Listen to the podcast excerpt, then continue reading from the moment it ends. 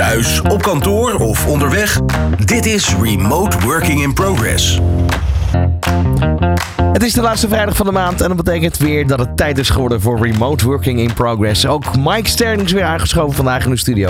En we hebben vandaag één gast, dat is Japke Bauma. Zij is columnist bij NRC en schrijft daar wekelijks een column over werk, carrière, het leven en kantoor, tussen aanhalingstekens, taal. Uh, ook geeft ze presentaties over terug naar kantoor, de verschillen tussen vrouwen en mannen op de werkvloer, werkgeluk en heldere taal naar elkaar toe uitspreken. We gaan met haar in gesprek ook over de behoeften van werknemers als het gaat om inrichting van het remote working en het nieuwe werken. Hè? Nou, zoals je dan ook wil noemen. Uh, waarom schieten werkgevers hier nou in tekort en hoe zou het echt anders kunnen? Dat vandaag in Remote Working in Progress. Dit is Remote Working in Progress met Ron Lemmens en Mike Stern op Nieuw Business Radio daar zijn we weer. Um, voordat we zo meteen uitgebreid gaan praten met, uh, met Japke. Uh, ja, eerst even naar de laatste ontwikkelingen van de afgelopen maand. Leuk Ron om er weer te zijn. Remote Working Summit. Uh, we zijn op dit moment hard ja, bezig met de voorbereiding voor 19 juni. Dan gaan we, zoals eerder aangegeven, in het uh, mooie pand uh, voor media en geluid hier naast het museum uh, het vijfde editie van het Summit neerzetten. En op dit moment ja, zijn we heel erg aan het kijken in de markt van wat gebeurt er precies. Waar staan bedrijven? En we zien dat bedrijven toch heel erg worstelen met het, het hybride asynchroon werken. Dat het eigenlijk nog op gang moet komen. Het is al ver vooruitgeschoven steeds. Uh, uh, de perfect storm waar we nu in zitten. Je ziet bij bedrijven dat uh, ja, op het moment dat men eigenlijk het in wilde gaan richten. Dat, toen kwam in één keer de, de oorlog in Oekraïne er tussendoor. Personeelstekort, noem maar op. We hebben de uh, Sander de Hoed van Cisco de vorige keer in de uitzending gehad. Nou, die gaf samen met Erik Hartzing ook al aan van uh, communicatief. Van dat zij heel erg aan het inzetten nu zijn om mensen meer met de nieuwe omgeving te laten werken dan met de techniek. En dat is denk ik ook waar het grootste vraagstuk op dit moment ligt van uh, ja, hoe gaan bedrijven het nu verder oprollen? Wegdenken is niet meer mogelijk. Al zou je dat niet zeggen als je naar de files kijkt uh, waar we het net over hadden. Maar aan de andere kant uh, ja, zie je ook wel niks gaat snel. We hadden het, je noemde net de naam Jan Magek even van de stadspsycholoog van Arbenet die ook al ooit een keer aangaf. Alles gaat heel langzaam. Mensen zijn gewoontedieren, vallen weer terug in oude gewoontes. Uh, we hebben een tijd gehad over de files op dinsdag en donderdag. Nou, inmiddels uh, kunnen we de hele week weer aanplakken. We staan weer allemaal met z'n allen in de file. Dus nog een hoop te doen. En daar staan we. Ja, En we gaan dan naar Japke Bouma. Jij bent een columnist bij NRC. En hebt eigenlijk, wat je me net vertelde voor de uitzending. Uh, de, dat, dat hybride werken al gevolgd voordat überhaupt corona er was. Nou ja, ik was altijd een hele lastige ambassadeur uh, voor heel veel, heel veel werkgevers. Omdat ik al, uh, nou ik meen in, nou wat was het, 2017 of zo al uh, geschreven heb. de flexplek is de hel.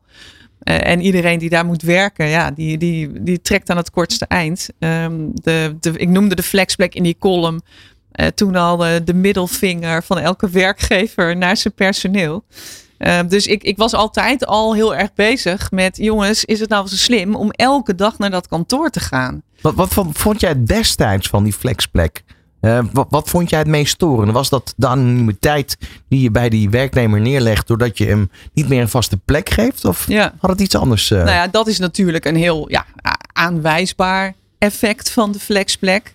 Hè, de, het, het, is heel onpersoonlijk. Ik, ik heb het altijd vergeleken met een, uh, ja, zo'n zo, zo'n vliegveld, uh, toilet. Uh, hè, dat het kan niet onpersoonlijker zijn ingericht. Het is allemaal clean desk policy. Uh, het heeft geen enkele sfeer. Het heeft geen enkele show.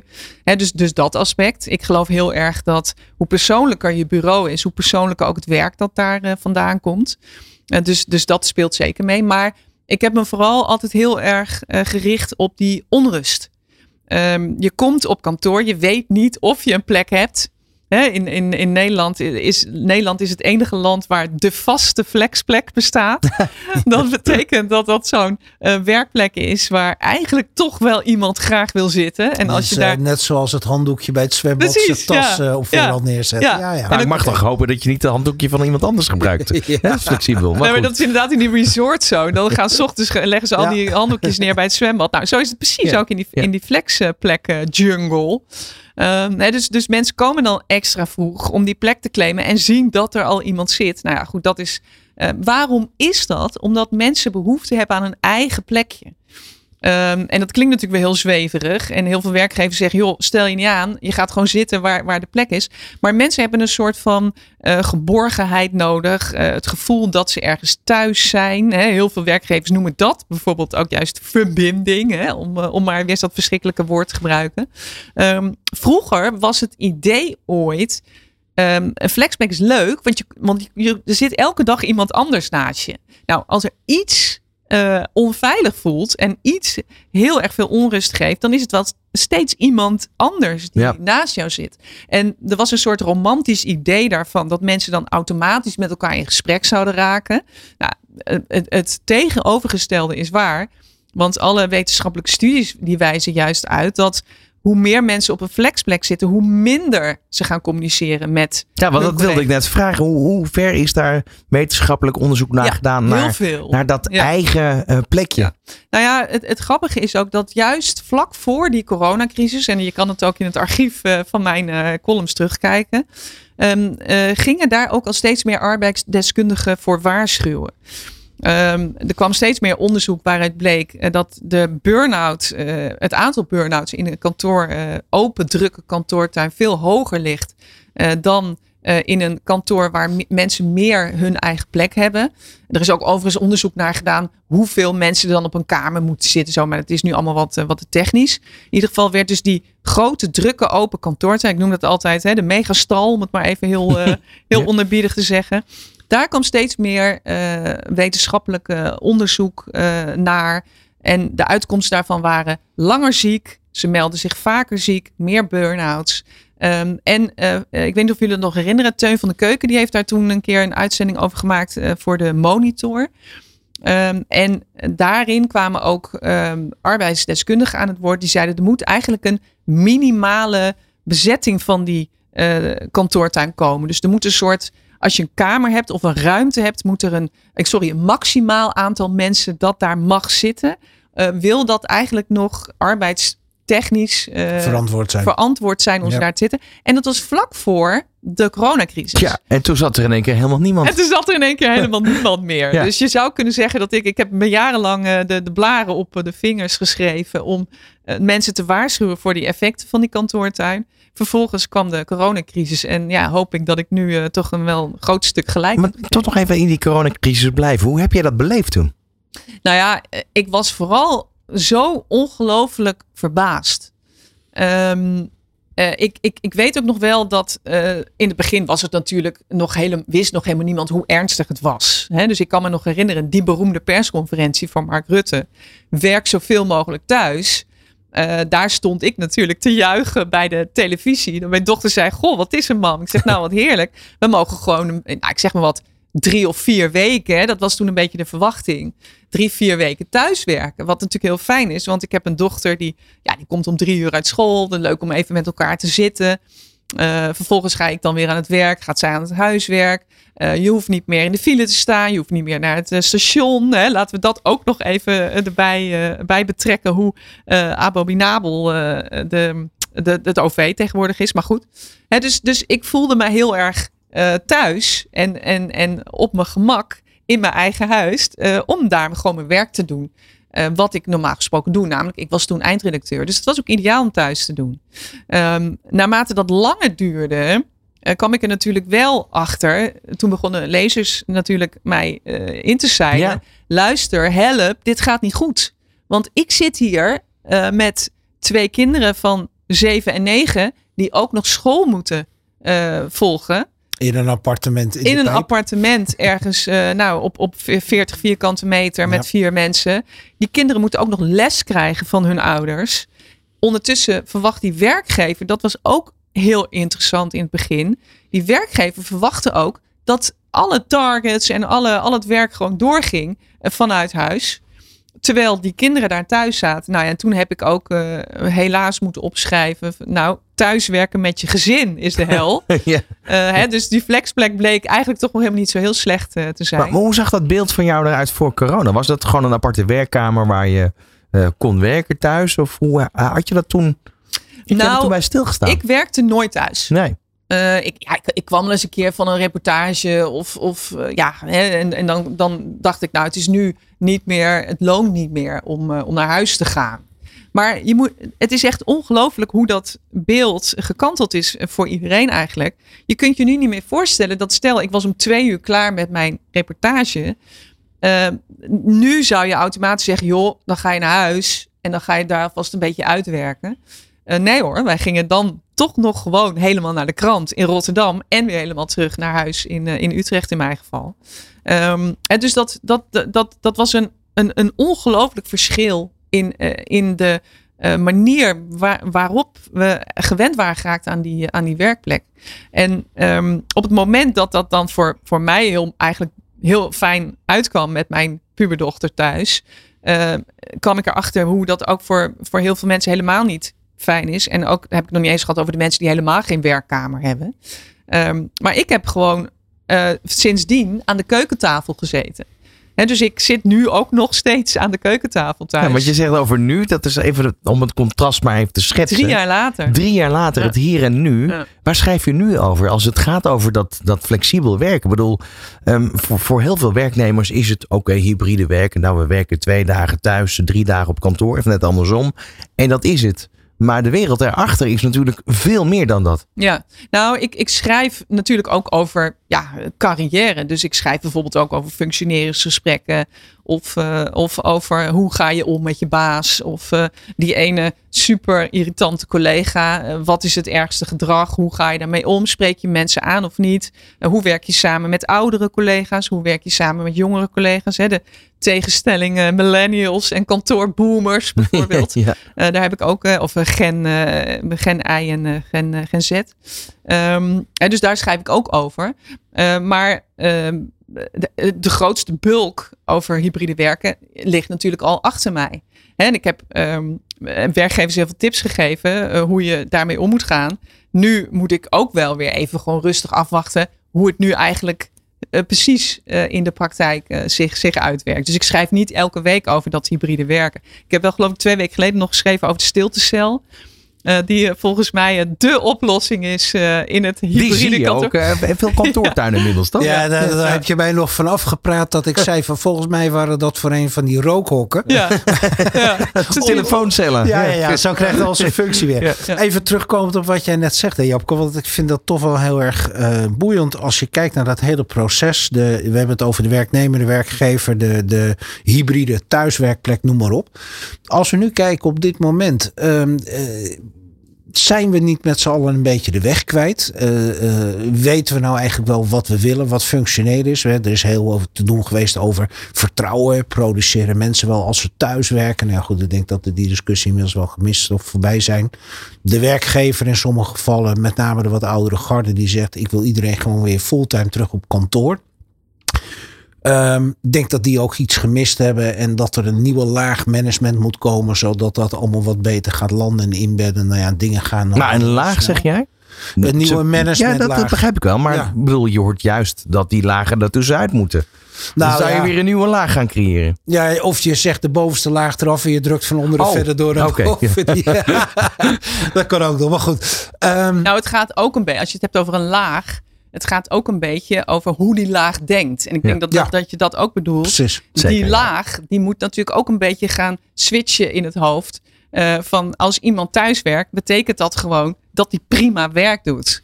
Uh, hè, maar dus... heb jij bijvoorbeeld uh, nu over de thuiswerken gespro gesproken, ook gekeken naar bijvoorbeeld onboarding tijdens corona? Onboarding. Ja, ik zeg altijd dat, introductie, dat, hè? Ja, want jawel, ik maar goed, haat Engelse termen. Nee, zoals Oké, je... okay, in jouw geval introductie. Um, daar hoor je ook van dat veel mensen ja. alweer vertrokken zijn. Omdat ja. ze de cultuur door, de, door het beeldscherm niet meegekregen hebben. Ja, nee, maar dat is ook echt uh, een, een, een funest uh, effect van die uh, coronacrisis geweest. Dus mensen die, jonge collega's, die er nog maar net uh, in die organisatie werkten.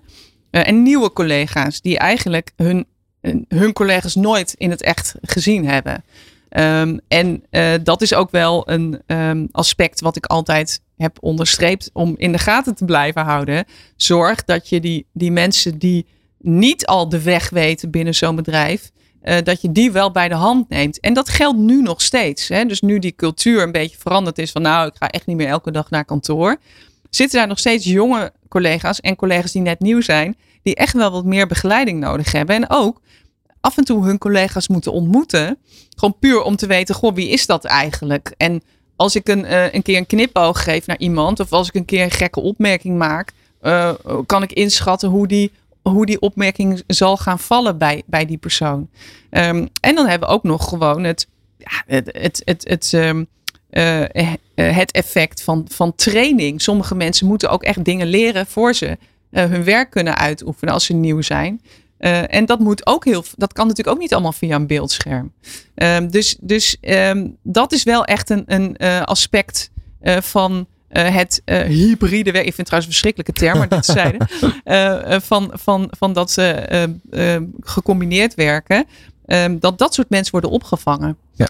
en ook echt worden begeleid. En dat is nu wel echt een probleem. Daar gaan we het zo meteen uitgebreid over hebben. We gaan natuurlijk de medewerker belichten, maar ook wat aan de werkgeverskant uh, nog beter kan. Luister elke vierde vrijdag van de maand tussen 2 en 3 naar Remote Working in Progress. Met Ron Lemmens en Mike Stern op Nieuw Business Radio. Ja, en vandaag in de studio ook uh, Japke Bouwmaars. Hij is columnist bij het NRC. Heeft het al heel lang gevolgd, dat, dat hybride werken. Maar ik geloof dat jij dat woord toch wel moeilijk ja, vindt. Nou, ik vind het altijd een beetje alsof ik een Toyota ben. Uh, en uh, dat hebben ook wel meer uh, lezers met mij. Dat is me erop wijs. Ik ben ook heel erg tegen jargon. Hè? Dus dat, laat ik dat ook even vooropstellen. Ik vind het echt altijd vreselijk. Al die, al die belang, belangrijke managementtermen die bedacht worden. Zoals bijvoorbeeld onboarding, wat je net al, al zei. Nee, maar we gaan nog even door. Dat, dat hoort vanzelf wel, toch? Hè? Ja, we hebben er nog wel een paar hoor. Ja. hybride werken. Ik ja. noem het liever gewoon werken. Want dat is het eigenlijk. Hè? Het is eigenlijk niks nieuws. Maar, maar is, het, is het eigenlijk ook misschien wel gewoon als, als hulpwoord om te begrijpen waar het over gaat. Nou, Want, ja, er zit een soort evolutie in. Ja, dat is wat waar. Wel, wat wel interessant is, is natuurlijk waar we denk ik ook niet even bij moeten gaan. Het van het thuiswerken, zoals je net zei, hè, van waar het al langer mee bezig bent. Uh, zijn er natuurlijk ook heel veel mensen die op hele andere locaties werken in het buitenland. Wat voor bedrijven ook weer een voordeel heeft. Dat je kan qua personeelsbezetting veel breder uitpakken dan dat je je ZEC op locatie wikkelt, ontwikkelt. Maar even een vraag aan jou dan. Van, zou je een mooie, mooi alternatief uh, voor het hybride werken woord hebben? Want... Nou ja, ik, ik zou dus, nou wat ik net zei, ik zou het gewoon werken noemen. Waarom? Um, kijk, op het moment dat je hybride werken gebruikt, uh, dan lijkt het alsof het al iets is. Dus, oh ja, dat weet iedereen wel. Dat is een combinatie van thuis en werk. Maar eigenlijk is dat misleidend, omdat um, mensen voor iedereen is dat hybride werken weer anders. Maar dan kom je vaak op termen uit als het nieuwe werken. Nou, dat, daar krijg ik helemaal pukkels nou ja, van. Ik, daarom zou ik het ook gewoon lekker, lekker werken noemen. En hoe je dat dan indeelt en hoe je dat inricht, dat is ook weer voor elk bedrijf uh, anders. Um, en vergeet ook niet, um, we hebben het dan steeds, als we het hebben over hybride werken, over thuis en over kantoor. Maar er zijn natuurlijk veel meer plekken waar je kan werken. En ik ben juist een heel groot voorstander daarvan. Ik heb wel eens een keer uh, schertsend het uh, Japke Day werkcafé gelanceerd. En dat innovatieve, revolutionaire Japke Day werkcafé. En waarin je niet op twee plekken werkt, maar op drie plekken werkt. Dus thuis, kantoor, maar ook allerlei plekken daartussenin. Um, wat, wat kan uh, vandaag, wat is vandaag het beste voor mij? Wat is op dit uur het beste voor mij? We hadden het net al over. Hè, als je dan die, uh, die reportage hebt afgerond, waar ga je dan naartoe? Uh, hè, dat, is, dat is zoveel fijner dat je, dat je dan niet twee locaties hebt, maar veel meer om uit, uit te kiezen hebt. Dus wat mij betreft is enerzijds dat de term hybride werken veel te breed. en anderzijds weer veel te smal. En uh, nou ja, daarom zou ik het gewoon uh, werken noemen. En zoek het lekker uit met je, met je werkgever. Um, en dan krijg je volgens mij ook de echte gesprekken erover. En krijg je niet van die vage gesprekken van iedereen weet wel ongeveer wat hybride werken is. Want uh, dat is een beetje waar we aangekomen zijn. Alhoewel er nu ook weer de kant is van de werknemer. Wat vindt de werknemer ervan? Ik bedoel, wat zie jij op dit moment gebeuren? Ik bedoel, vlak na corona was het zo van nou eh, we moeten weer een beetje terug naar kantoor. We hebben het ook vaak in deze uitzending erover gehad. Eh, dat was ook van bepaalde uh, ja, groepen weerstand. Van ik wil helemaal niet meer terug. Ik wil helemaal niet meer terug. Oké, maar hoe ga je die werknemer dan toch aangesloten houden bij de andere collega's die wel zeggen: ik wil een aantal keren in de week op kantoor werken? Waar, waar zitten we nu? Volgens jou? Nou, um, het, het grootste probleem is denk ik dat werkgevers het veel te lang voor zich uit hebben geschoven. Um, en dat ze veel te lang hebben gedacht: uh, ik wil mijn vingers er niet aan branden. Want als ik zeg tegen ze dat ze moeten terugkomen, uh, dan, ja, dan hebben ze daar geen zin in. En uh, dan gaan ze ergens anders naartoe. heel veel heb ik het over echt de top van het bedrijf. hebben heel lang gedacht: joh, ik schuif het lekker naar mijn managers. Laten die het maar lekker gaan, gaan oplossen. En wij branden onze vingers er ook al helemaal niet aan. Um, en er is dus eigenlijk heel weinig gebeurd. Hè? Dus dat is ook een beetje Hollands natuurlijk. We polderen net zo lang door tot er uh, niks gebeurt. Uh, en in heel veel bedrijven zijn er dus nog steeds geen um, harde eisen bijvoorbeeld. Er is, zijn wel hele vage eisen van ja, je moet ongeveer 50-50 uh, komen. Je moet ongeveer twee dagen in de week komen. Maar het, is nog, het zijn nog steeds de managers en de collega's die daar samen dan ja, een soort controle op moeten uitoefenen. Ja, de dinsdag en de donderdag, en Mike, daar hebben we het heel vaak over gehad. Nou ja, dat daar, is wat, daar wat er komt het dan ook helaas op neer. Ja. Nou ja, dat is ook uit onmacht natuurlijk. Hè. Zo van als je niet kan inregelen om je bezetting op de kantoorplek goed in te regelen, prop iedereen dan op Ja. dinsdag en donderdag er maar in. Ja, en wat Japke net zegt, dat is natuurlijk al heel veel aan de orde geweest. Dat we gezegd hebben, men heeft het maar vooruitgeschoven. Hè, van joh, na de zomer is die corona wel voorbij. En toen was het na de jaarwisseling en toen was het na het voorjaar. En op het moment dat men echt dacht, we moeten nu wat gaan doen. Ja, toen kwam inderdaad eh, een oorlog ertussendoor, Ja. eh, personeelstekort. Dus het, het management is op heel veel borden tegelijk aan het schaken. Perfect storm, zoals het zo mooi ook tijdens Ja. summit werd genoemd. En dan zie je eigenlijk dat, dat iedereen op een gegeven moment eh, op een of andere manier zijn handen ervan aftrekt. Ik, ik had vorige week een, een organisatie aan de lijn, niet de eerste, de beste, een, een overheidsorganisatie. En toen zei iemand tegen mij van joh, als wij een vergadering hebben, dan wordt iemand geacht om erbij aanwezig te zijn. Dus online inloggen niet. En als je niet aan lijfelijk aanwezig bent, dan krijg je ook geen notulen. Dan word je geacht. ja, ja. Dat Dan is wel je- echt heel erg. Zoals Jij- vroeger op school. Ja, ja, ja, met zo'n met zo'n lessenaar, zo'n lineaal op je, op je handen. Ja. Je wordt gewoon afgetikt van je bent er niet bij, dan Maar ben je er eigenlijk, niet bij. eigenlijk is dat best wel goed. Het klinkt er misschien een beetje gek uit mijn mond om, eh, om dat te zeggen. Maar het is wel duidelijk. Ja, dat is en het enige. ehm, ja. Ik denk dat die duidelijkheid. Wat zei je? Ik zeg, dat is ook het enige. Ja, maar goed, die duidelijkheid is natuurlijk wel. eh, dan kunnen mensen ook beslissen wat ze willen. En of ze, daar, of, of ze het wel of niet gaan doen, hoe ze daarmee omgaan. Terwijl nu ik juist om me heen zie, wordt een beetje op zijn beloop gelaten. Ehm, en dan krijg je dus hele, hele gekke dingen. Bijvoorbeeld laatst hoorde ik eh, dat een manager eh, mij, die, die ik sprak, die zei.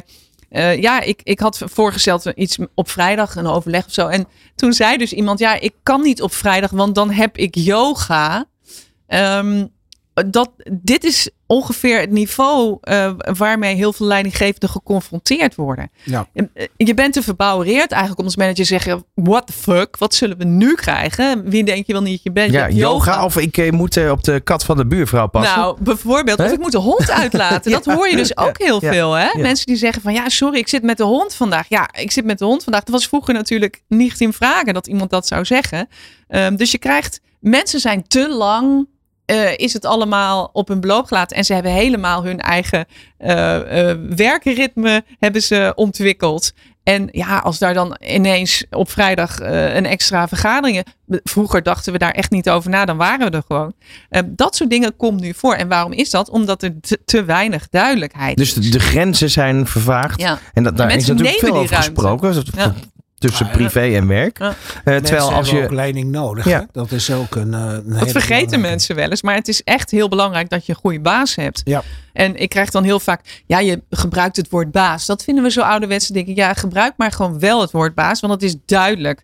Dit is namelijk de persoon die verantwoordelijk is voor wat jij moet doen. En of jij je targets haalt. En die heeft één keer per jaar jouw functioneringsgesprek. En die bepaalt of jij goed werk hebt verricht. En of je opslag krijgt of niet. Ik zeg het nu even heel erg zoals het Nou ouderwets ja, als het aan jou was. ligt, het is gaat wel hij duidelijker. Geen, eh, zoals het aan jou ligt, gaat hij geen ge- hybride coach heten. nee, absoluut Maar, niet. maar, maar hoe moet die baas, ehm, moet die baas, want daar hebben we het ook vaak over gehad. Hoe, hoe moet die baas, in jouw woorden dan eventjes, hoe moet die baas veranderen met de tijd meegaan? Moet dat nog een autoritair persoon zijn? Of zeg je van, ja, dat, dat, dat is vaak de link die je zou leggen met een baas, is autoritair.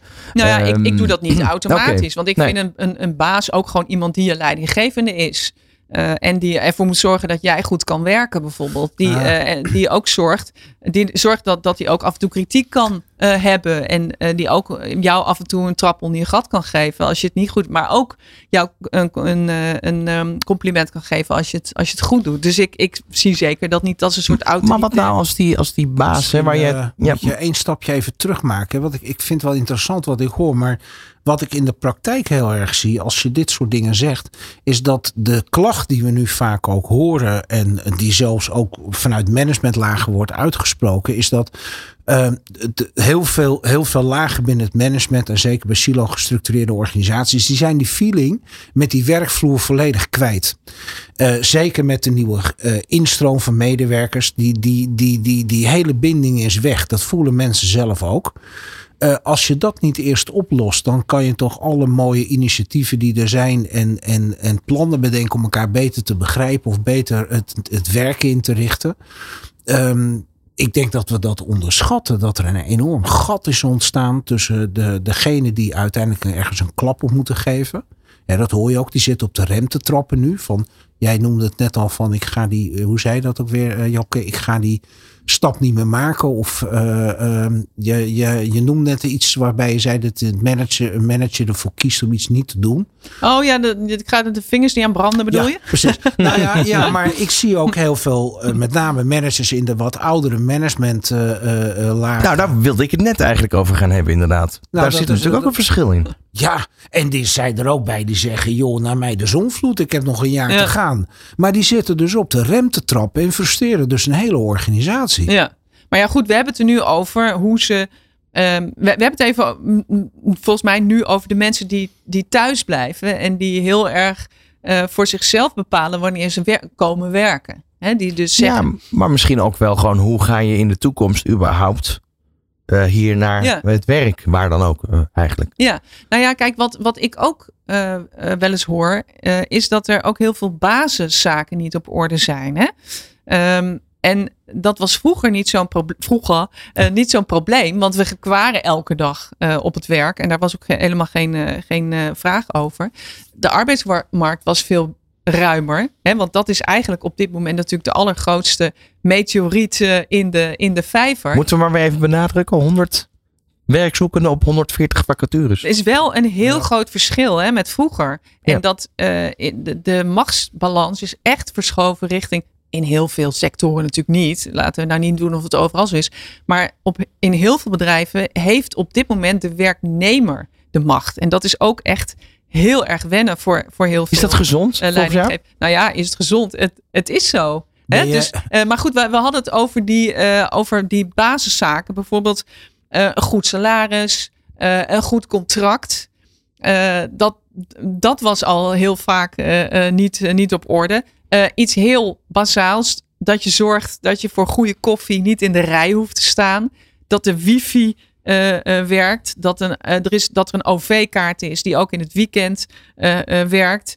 Um, die verschrikkelijke kantoortuin, die nog steeds heel veel mensen frustreert om, om te komen. Um, is het, heb je eigenlijk wel een leuke baas waarvoor je een stapje harder wil, wil lopen? Um, dat noem ik de basis zaken die, moeten, die geregeld moeten worden voordat je ook iets kan eisen van je werknemers. En dat is, dat, zelfs dat is al heel vaak niet aan Ik zag toevallig vanmorgen een foto voorbij komen over een kantoortuin gesproken.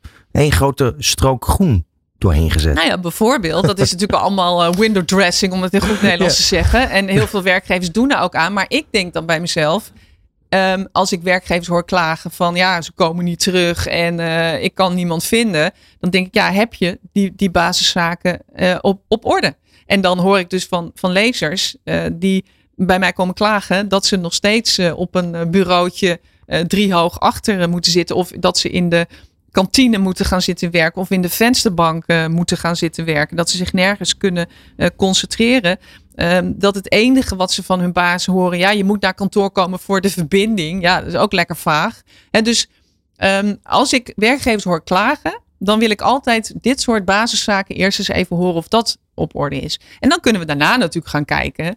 Uh, nou, we hebben, alle, we hebben overal voor gezorgd. Uh, we, hebben alles, we hebben alle basisvoorwaarden voldaan. En nog steeds komen ze niet terug. Nou, als dat het geval is, ja, dan moeten ze mij helaas invliegen Ja. om het te komen op, eh oplossen. Ja, want daar hebben we het vaak over gehad, Mike, Klopt. in die uitzendingen. Van ja, Ja. oké, wie, wie trekt nu eh, het initiatief naar zich toe en waar, waar gaat de standaard ontwikkeld worden?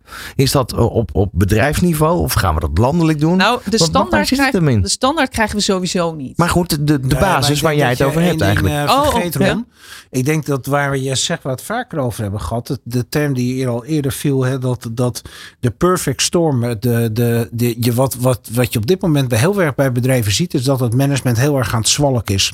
Het is van links en naar rechts en dan is dat weer belangrijk. Inclusiviteit, diversiteit, whatever.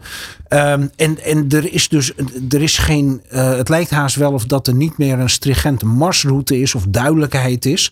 Waardoor je natuurlijk dit soort zaken eh, heel snel eh, totaal geen prioriteit meer hebben. Van jongens, we moeten nu gewoon door. En het is belangrijk dat we snel mensen vinden. Anders kunnen we niet produceren. En dan lopen onze klanten weg en we geen omzet.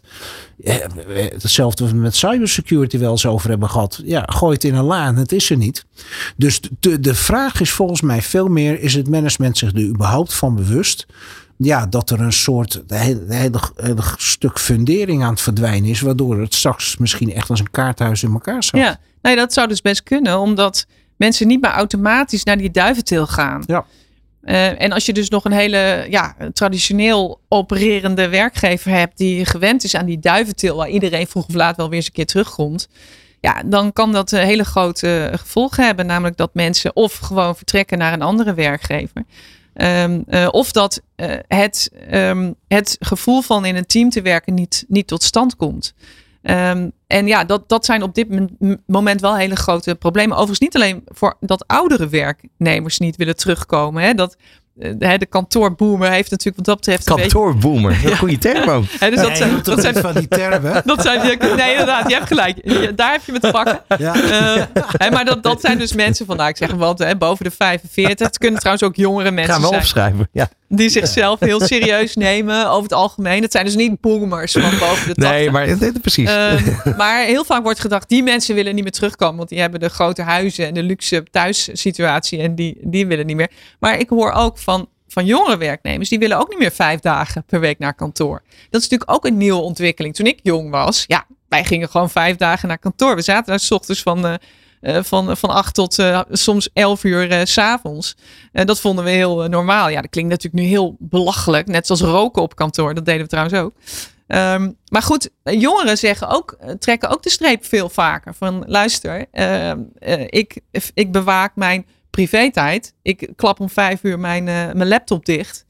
Eh, en dan vind ik het eigenlijk wel mooi geweest. Dat noemen ze tegenwoordig quiet quitting. Dan moet je even Quiet ja, die quitting. quiet quitting. Die is ook sinds een jaar omhoog Ja. gekomen. Maar heb ik even een leuke case voor je. Als je dat dan inderdaad zegt van de scheiding tussen werk en privé. Ehm, dat is natuurlijk al heel erg vaag geworden. Nou zit ik met iemand op een gegeven moment in een podcast een, eh, een week terug. En toen zei ik op een gegeven moment eh, de, de files waar we het net over hadden. Maar het is toch heel erg simpel om gewoon om tien uur of elf uur op elkaar, met elkaar op kantoor af te spreken. En dan rond een uur of twee weer naar huis. Dan heb je daar geen last van. En toen zei iemand tegen mij dat een werkgever had gezegd, maar dan reis je in mijn tijd. ja, precies. Ja, moet je even voorstellen Ja. wat er bij mensen dus tussen de oren zit. En ja. wat wij als wel of niet of logisch beschouwen. Volgens mij moeten we nog hele grote slagen maken, Ja. denk ik. Nou ja, goed, al die eh, ontwikkelingen komen tegelijk. Ja, dus, dus die werkgever is op heel veel, in heel veel bedrijven zijn, eh, zijn, ehm, eh, zijn vuist op tafel kwijt. Want eh, de, de werknemer gaat dan gewoon ergens anders naartoe in deze krappe arbeidsmarkt. Eh, er komt een jongere generatie eh, op de arbeidsmarkt die het heel normaal vindt om ook bijvoorbeeld maar drie of vier dagen in de week überhaupt te werken. Dat is ook echt nieuw. Eh, terwijl we die mensen natuurlijk heel goed kunnen gebruiken. Zeker die jongen, die moeten vaak ook veel meer uren maken, omdat ze vaak het vak nog niet in de vingers hebben. Ehm, dus, dus, dus dat speelt eh, mee. Vervolgens hebben we een soort eh, coronacrisisgevoel nog in ons achterhoofd. Van we hoeven niet meer elke dag naar kantoor, want we kunnen ook heel veel dingen prima thuis doen. Ehm, en al die eh, zaken bij elkaar eh, eh, komen tegelijk. En ondertussen hebben we nog steeds zo'n traditionele werkgever in heel veel eh, opzichten. Die met zijn oude, ouderwetse kantoortuin niks heeft veranderd. Nog steeds denkt, oh iedereen komt wel weer terug als ik een- mijn hoepeltje omhoog hou. Ik bedoel eigenlijk te zeggen, Eh, die perfect storm is veel breder. Dus er komen veel meer aspecten tegelijk uh, op, op dit moment ehm, op de arbeidsmarkt die, die echte ouderwetse werkgevers bedreigt, dreigen. Ja, en, en je zegt op de arbeidsmarkt, ik denk dat je hem dan nog, nog wel breder kan trekken. Um, als we toch even naar, naar, naar het personeel kijken, de, de verhouding werknemer-werkgever. Um, Japke, denk jij dat als er geen personeelstekort was geweest, dat wij nu nog hybride hadden gewerkt? Nou, ik denk dat dat wel een stuk minder het geval zou zijn geweest. Ja. En ik heb ook die fout gemaakt. Uh, in mijn boek, in mijn vorige boek heb ik voorspeld dat iedereen weer terug zou hollen naar kantoor zodra die coronacrisis voorbij zou zijn. Uh, ja, ik moest in mijn laatste boek toch wel toegeven dat ik dat totaal verkeerd had ingeschat. Um, en ik denk in de eerste plaats doordat, ik noem dat het na-eil-effect van de coronacrisis. Dus dat is een gevoel uh, dat een beetje moest rijpen bij je, bij heel veel mensen. Um, dat, het hele, dat je helemaal niet elke dag naar kantoor hoeft. En dat je eigenlijk heel efficiënt een, groot aantal dingen op een andere locatie kan, uh, kan doen.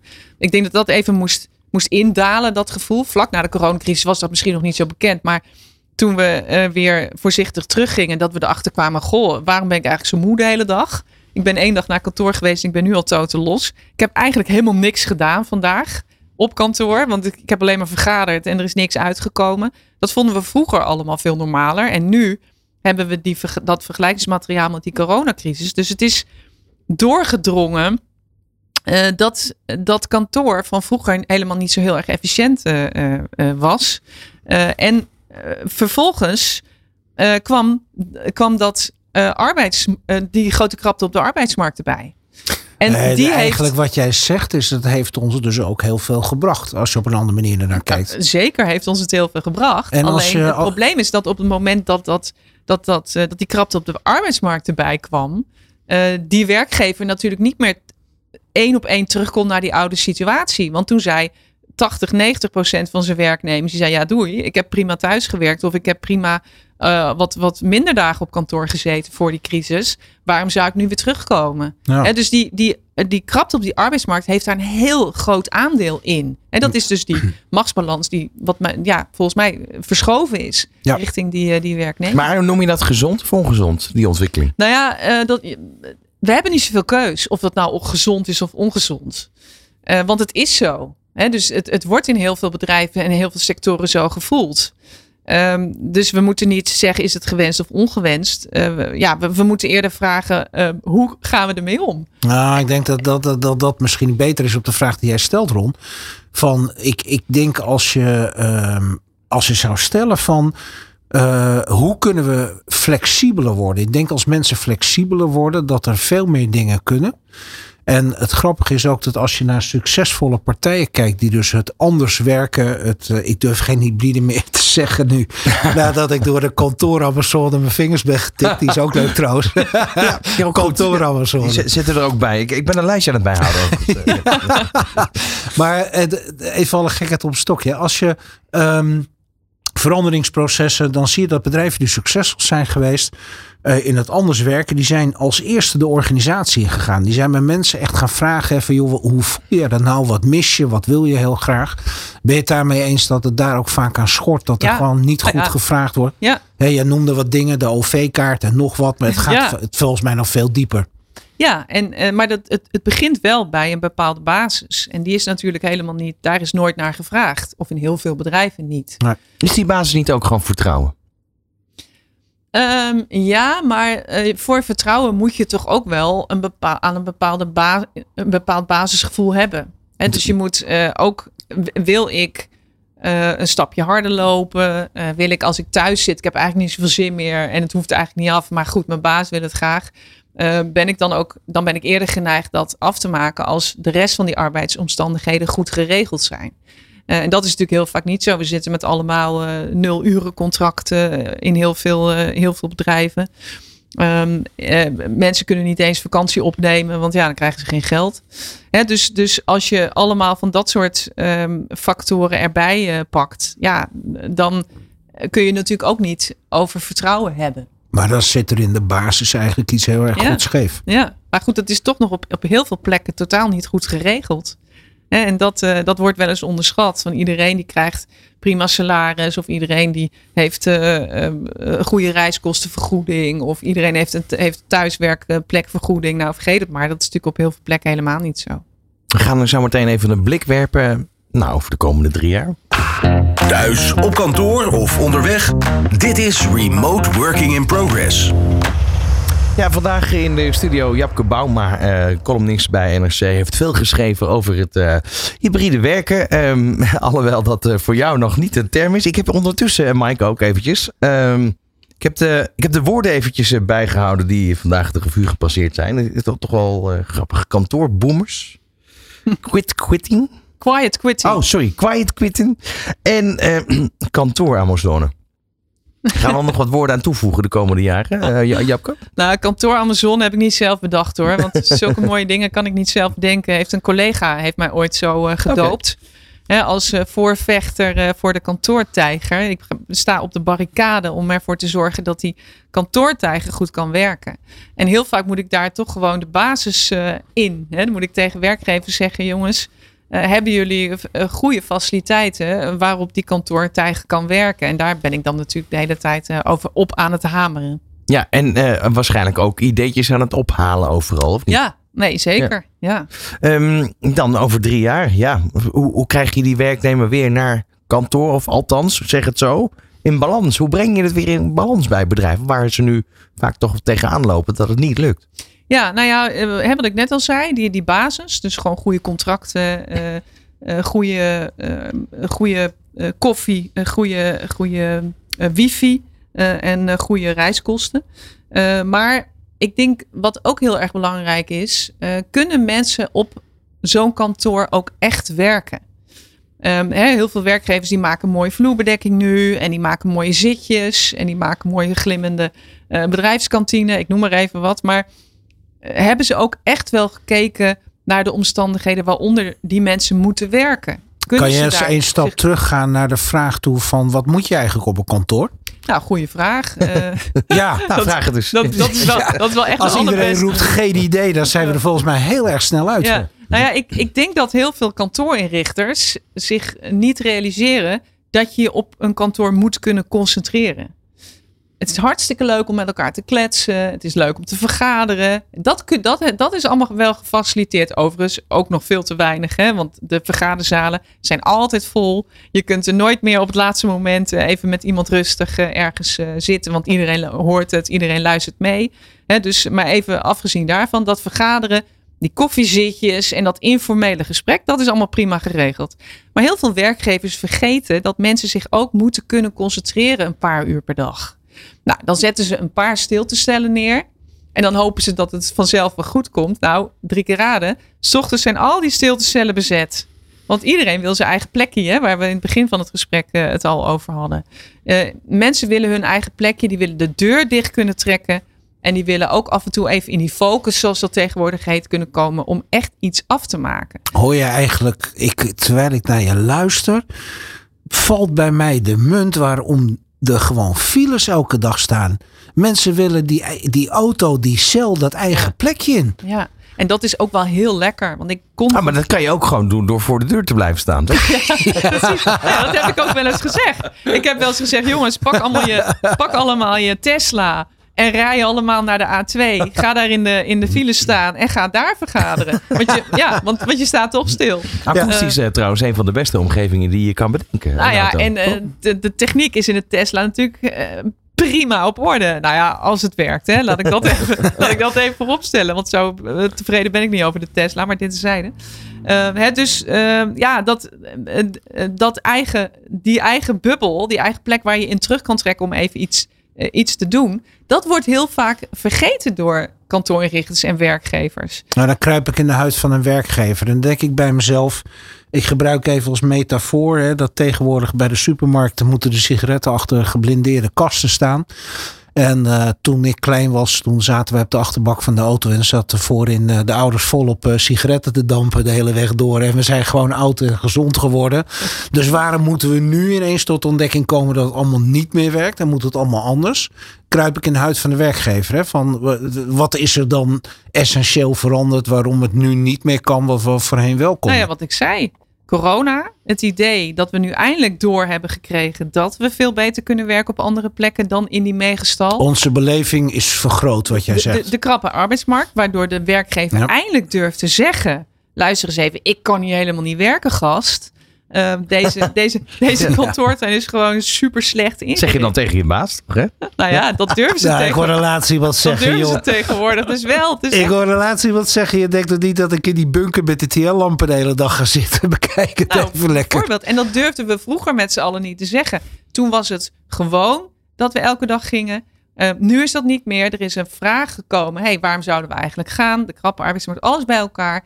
Uh, leidt ertoe dat uh, de mensen niet terugkomen. En volgens mij is ook de enige manier om ze weer terug te krijgen, is ten eerste om te gaan vragen: wat heb jij nodig? En dat is dus een basisvraag die elke baas sowieso al zou moeten stellen aan zijn personeel. Ja. Wat heb jij nodig om goed je werk te kunnen doen? Nou, uh, er moeten echt nog negen van de tien werkgevers moeten, moet dat nog tot ze doordringen dat dat überhaupt een vraag is die ze, die ze moeten stellen. Vervolgens moeten ze gaan beter kunnen gaan uitleggen waarom ze die mensen naar kantoor willen, terug willen halen. Maar ook echt uitleggen. En dan niet met allemaal clichés komen met verbinding. En zoals Elon Musk zei. Ja, want dan komt innovatie tot stand als jullie naar kantoor komen. Nou, dat komt helemaal hoe, niet. Hoe kijk jij aan tegen het feit... Ja, nee, maar dit is wel leuk. Want hoe kijk je aan tegen het feit... Ik bedoel, dat is jaar geleden. Dat heb je ook wel eens gezien, Mike. Uh, Zo'n bedrijf als Google had uh, een bepaald moment... Uh, nou, Wigwam uh, tenten in, in, in, in kantoortafels. Ja, ja, dat doe maar op. Hè. Hartstikke leuk. nou ja, ik, ik moet ook, ja. terwijl jij dat zegt, hè, ik denk je kan gewoon een satirisch programma maken. Want als jij, als ik dan de werknemer zou zijn, jij zou mij vragen van wat heb jij zoal nodig? Dat ik echt zoiets heb van nou, ik durf het bijna niet te vragen. Maar als ik een helikopter zou hebben en op Saint-Tropez elke dag zou kunnen werken. En, ja, nee, maar goed, kijk, dat is dus inderdaad de reflex die, waarin werkgevers heel snel schieten. Zo ja, doei. Uh, al jullie eisen, die ga ik niet in, uh, inwilligen. Maar luister nou eerst eens wat ze zeggen. Ja. Um, want heel vaak is het zo van ja, um, ik kan eigenlijk helemaal niet goed uh, naast Willem werken. Want Willem zit de hele tijd te kletsen. En die heeft het niet over zijn werk, maar die moet, zit de hele dag zijn APK te, te regelen op uh, kantoor. En ik kan me niet concentreren. Uh, heel vaak is het dat niveau. Um, er is geen werkgever die durft te zeggen tegen zijn personeel: jongens, uh, morgen of op maandag houdt iedereen van 10 tot 1 zijn mond dicht. En er moet echt een heel belangrijk, hè, als, als, als er een brand is of uh, als er iemand doodgaat, dan mag je iets zeggen. En tot die tijd houdt iedereen zijn mond dicht. Er zijn hele universiteitsbibliotheken waar iedereen stil is, iedereen aan het werken is. Waarom is dat? Omdat het een afspraak is, omdat mensen weten waar ze zich aan moeten houden. Waarom niet een, een verdieping maken waar niet gepraat mag worden, zoals in de stiltecoupé? Het, het, is, het zijn allemaal geen revolutionaire dingen. Um, nou ja, nee, de stiltekloosters, uh, het kan natuurlijk prima. Bijvoorbeeld, maar nu is het zo, joh, we pleuren die mensen bij elkaar in die, in die megastal. We laten ze, joh, ze zoeken het zelf maar uit. Hè? Net zoals in de trein. Nou, Moet bijna denken aan een legbatterij. Ik weet niet waarom. ja, maar dat is ook, dat, dat is het ook in een werkfabriek. Ja. En natuurlijk, natuurlijk chargeer ik een beetje als ja. columnist. Nee, maar dat, dat, anders dat krijg je natuurlijk geen, geen reactie erop. Je krijgt het wel scherp daardoor, denk ik. Ja, maar dat is echt een heel groot probleem voor heel veel mensen. Als je ze gaat vragen, wat... Ik wil nooit meer terug. Ik wil nooit meer terug Japke, zeggen ze tegen mij. Uh, dat zeggen ze tegen mij, dat zeggen ze niet tegen hun, baas. En dat komt allemaal door die uh, dingen. Dus ga uitleggen waarom je die mensen terug uh, wil, wil hebben. en wat ook heel goed werkt, emotionele chantage. Dus gewoon zeggen tegen je mensen: luister, als jij niet komt, dan redden we het hier niet. Hè, dat zei op een gegeven moment iemand tegen mij, Japke D. We hebben je nodig, we missen je. Uh, we, we, willen heel graag weer eens een keer met jou praten. We willen jouw verhaal weer eens horen. Ik kon het zelf niet voorstellen, maar goed, dat was dan. En, en dat werkte bij mij, omdat ik dacht: hé, hey, wacht eens even. Um, uit een soort moreel oogpunt moet ik er zijn voor die uh, collega's. Uh, is een heel goed instrument om uh, mensen naar kantoor te krijgen. Nou ja, en eh, het allerbeste is natuurlijk uh, gewoon zorgen dat er warme douches zijn. En uh, dat het lekker warm is op kantoor. Nou ja, nu wordt het helaas weer lente. Dus dat argument vervalt. Maar ja, vergeet ook niet dat dat natuurlijk in heel verhuizen de afgelopen maanden is het echt heel koud geweest. vrienden van mij die de, de thermostaat op 16, 17 graden. Hoger mag die niet, want dan kost het 400 euro per maand. Um, ja, dat is natuurlijk wel lekker als je dan naar kantoor kan. Wat, wat zijn um, nu ideeën die je gehoord hebt van werknemers, waarvan je echt zegt, oké, dat kan ik nu hier, de plekken, vertellen van, ga daarmee aan de slag. Nou ja, wat ik zei, hè, dus uh, ga vragen wat ze, wat ze nodig hebben. Uh, ga die kantoortuin op een andere manier indelen. Zet die, zet die wandjes maar weer terug. Waarom niet? Ik bedoel, er is een of ander vaag idee ooit ontstaan bij een of andere bizarre architect. Ja, die vond het zo leuk, al die grote open ruimtes. En dat zag er allemaal zo mooi uit. Mensen gaan met elkaar samenwerken. Hè? Mensen die komen vanzelf. Nou, je, je kan natuurlijk in één oogopslag zien hoeveel werknemers er zijn. Ja, inderdaad. En dat, is, dat geeft een heel onveilig gevoel. Ja, dat geeft een groot gevoel. Dus een dat geeft bedrijf, voor de werkgever een groot gevoel. En dat geeft voor de werknemer een heel onveilig gevoel. Je hebt oog in je rug um, nodig. Mensen komen van alle kanten. Uh, en uh, zet, maak er gewoon weer uh, kamers van. Maak, zet de wandjes desnoods weer terug. Zodat mensen weer het gevoel hebben dat ze geborgen zijn bijvoorbeeld. Nog maar even. Ook, ja, sorry, maak jij zin even af. Maar, maar ook gaan eens praten over de spreiding door de week. We hebben het nu net over die belachelijke dinsdag en donderdag. Waarom? Ehm, er is ergens in Nederland een, een idee ontstaan dat woensdagen en vrijdagen geen werkdagen zijn. Nou, ik heb in de CAO gekeken. Uh, voordat ik hier kwam, van alle, alle sectoren, zijn gewoon werkdagen. Ja. Dus je kunt gewoon op woensdag en vrijdag naar kantoor komen. Ja, maar dat is gewoon onmacht. Hè? Als je niet de, de, de, dat zie je gebeuren. Dat... Ja, maar over dit detailniveau hebben we het als we dit probleem willen oplossen. En dat wordt dus alleen maar op congressen en, en door werkgevers wordt dat dan vaag een beetje aangestipt. Van ja, je moet een dialoog aangaan met je bla bla bla. Ja, dat zal allemaal wel. Maar op een gegeven moment zal je toch ook gewoon in de praktische uitwerking, waar ik natuurlijk voor, voor ben als journalist, maar ook als columnist, um, zal je dat moeten regelen. Jij komt woensdag en vrijdag naar kantoor en dan zijn die tien mensen er ook. En uh, vervolgens ga jij op, op dinsdag en donderdag ben je thuis. Uh, nou, moet je daar eens uh, over beginnen bij heel veel mensen. Want ja, dan krijg je weer, ja, ik heb dan yoga en ik moet de hond uitlaten. Maar op dit niveau zitten de oplossingen wel. Het verhaal is rond. Uh, voor nu althans, want uh, ja, we, we, kunnen nog veel verder uh, hierover doorpraten. Gaan we wellicht ook doen, in ieder geval de volgende maand weer. Japke, dankjewel voor de komst naar de studio. Heel graag gedaan. Ja, en Ron, even tot slot. Wat ik wel altijd mooi vind, hè, het glas half vol of half leeg, is dat er ook, je ziet ook altijd weer hele goede dingen verschijnen. En één ding wat ik toch echt geweldig vind aan die kantoortuin, is voor mij een stukje nostalgie, is dat de fotocubus weer terug is. oh mijn god. Ja, die kan je meenemen. Ja, die moet je dan s'avonds weer meenemen naar huis. Dan, uh, weer terug uh, vanuit je tas op, het bureau. Hier zit ik vandaag. Ja. En dan wil ik het eigenlijk wel laten. Nou ja, en ik hoop dat die, ik hoop dat die fotocubus gewoon kan blijven staan op je eigen bureau. En hoe je dat dan regelt, daar komen we dan, moeten we helaas samen uitkomen. Ja, Dankjewel voor het luisteren. Tot zover deze aflevering van Remote eh, Working in Progress. En dat is het zeker in progress. Thuis, op kantoor of onderweg. Dit is Remote Working in Progress.